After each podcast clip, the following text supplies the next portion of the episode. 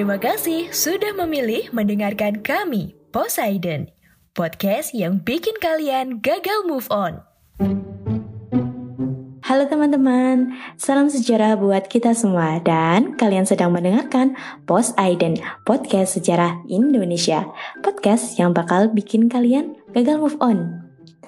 Siapa sih yang nggak tahu cerita tentang Ken Arok dan Ken Dedes? Pasti udah tahu dong cerita tentang intrik perebutan tahta sampai perselingkuhan. Pokoknya drama Korea, sinetron Indonesia kalah sama kisah cinta mereka. Karena kisah cinta mereka itu benar-benar real, nyata yang terjadi di masa lalu. Dan latar belakang dari kisah mereka berdua itu adalah pada masa kerajaan Singosari. Nah, kalian sebagai warga negara Indonesia harus tahu dong sejarah negara sendiri. Nah, penasaran? Let's listen up. Asal-usul kerajaan Singosari sebenarnya berasal dari kerajaan bernama Tumapel. Nah, Tumapel ini kalau sekarang itu merupakan sebuah wilayah kabupaten. Lalu bagaimana kok bisa diubah jadi Singasari? Nah, berdasarkan kitab Negara Kertagama disebutkan bahwa ketika didirikan pada tahun 1222, nama Singosari merupakan sebuah ibu kota yang justru lebih terkenal dibanding nama kerajaannya yaitu Tumapel. Letak dari kerajaan Singosari itu ada di Jawa bagian timur. Kalau sekarang masuk ke wilayah Provinsi Jawa Timur dengan pusatnya di Malang. Wilayah taklukan Singosari ini sangat luas loh, bahkan sampai ke daerah Pahang. Nah, Pahang ini termasuk dalam wilayah negara Malaysia loh. Hebat kan?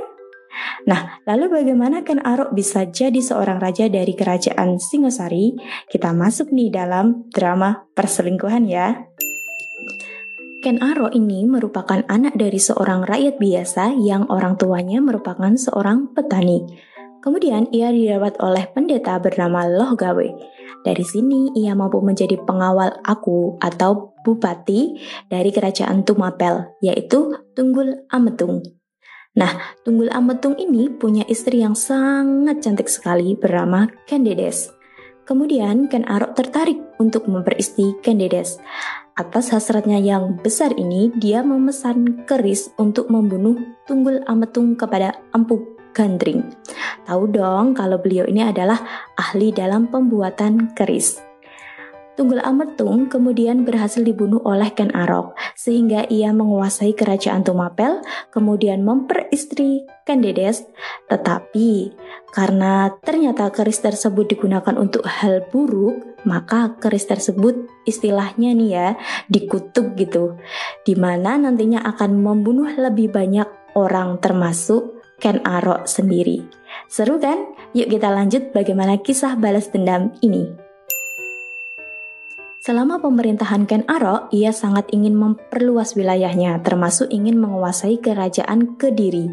Pada suatu kesempatan ketika Kediri dipimpin oleh rajanya bernama Kertajaya, beliau ini memerintah rakyatnya untuk menyembah Kertajaya layaknya sebagai seorang dewa. Hal ini pasti ditentang oleh para pendeta, sehingga para pendeta dari Kediri ini lari ke Singosari dan meminta bantuan Ken Arok untuk menentang pemerintahan Raja Kertajaya. Kemudian dengan dalih membantu para pendeta, Ken Arok memanfaatkannya untuk menyerang Kediri yang kemudian menyebabkan kemenangan pada kubu Ken Arok. Kemudian ia mempersatukan kerajaan Kediri dengan Singosari dan Ken Arok mendirikan dinasti bernama Kirindra. Tak lama menjadi raja di Singosari, Ken Arok pada akhirnya dibunuh oleh Anusopati. Ia merupakan anak dari Tunggul Ametung dan Kendedes sehingga Anusopati mampu menjadi Raja Singosari dalam kurun waktu yang cukup lama, yaitu pada tahun 1227 sampai 1248. Namun, Anusopati ini akhirnya dibunuh oleh anak kandung dari Ken Arok dengan istri lainnya yang bernama Ken Uma. Anaknya ini bernama Tohjaya.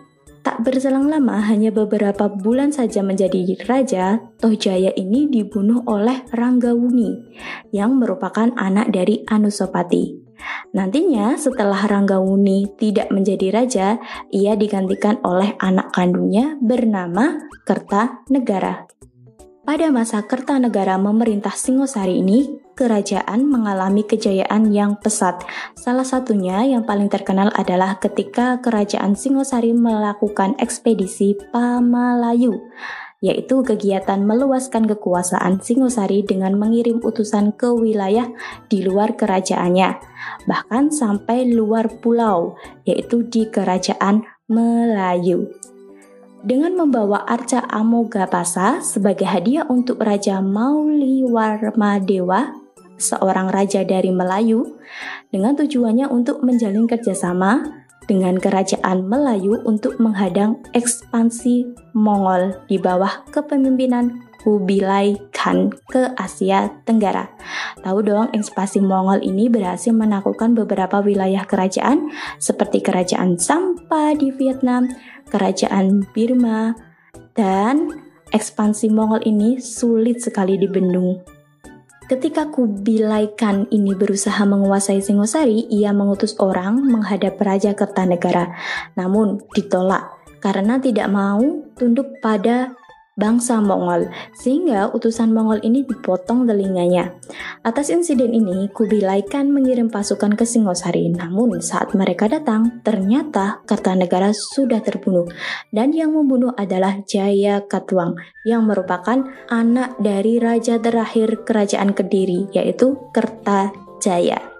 Atas dasar balas dendam, dan Jaya Katwan ini ingin merebut kerajaan ayahnya dulu. Dia dibantu oleh mantan Bupati Sumenet di Madura yaitu Arya Wira Raja yang juga sakit hati telah dicopot jabatannya oleh Kertanegara karena mengkritik kebijakan ekspansi yang dilakukan oleh kerajaan Singosari. Taktik yang dilakukan oleh Jaya Katuang ini telah cerdik. Beliau memerintah pasukan dengan jumlah kecil untuk menyerang wilayah Singosari di utara. Oleh karena itu, Raja Singosari mengutus pasukan di bawah pimpinan Raden Wijaya yang merupakan menantunya untuk menghadapi pasukan Jaya Katwang di utara. Tak disangka, ternyata Jaya Katwang menyiapkan pasukan yang sangat besar untuk menyerang pusat kerajaan Singosari, sehingga Kertanegara dan kerajaan Singosari mampu dikuasai.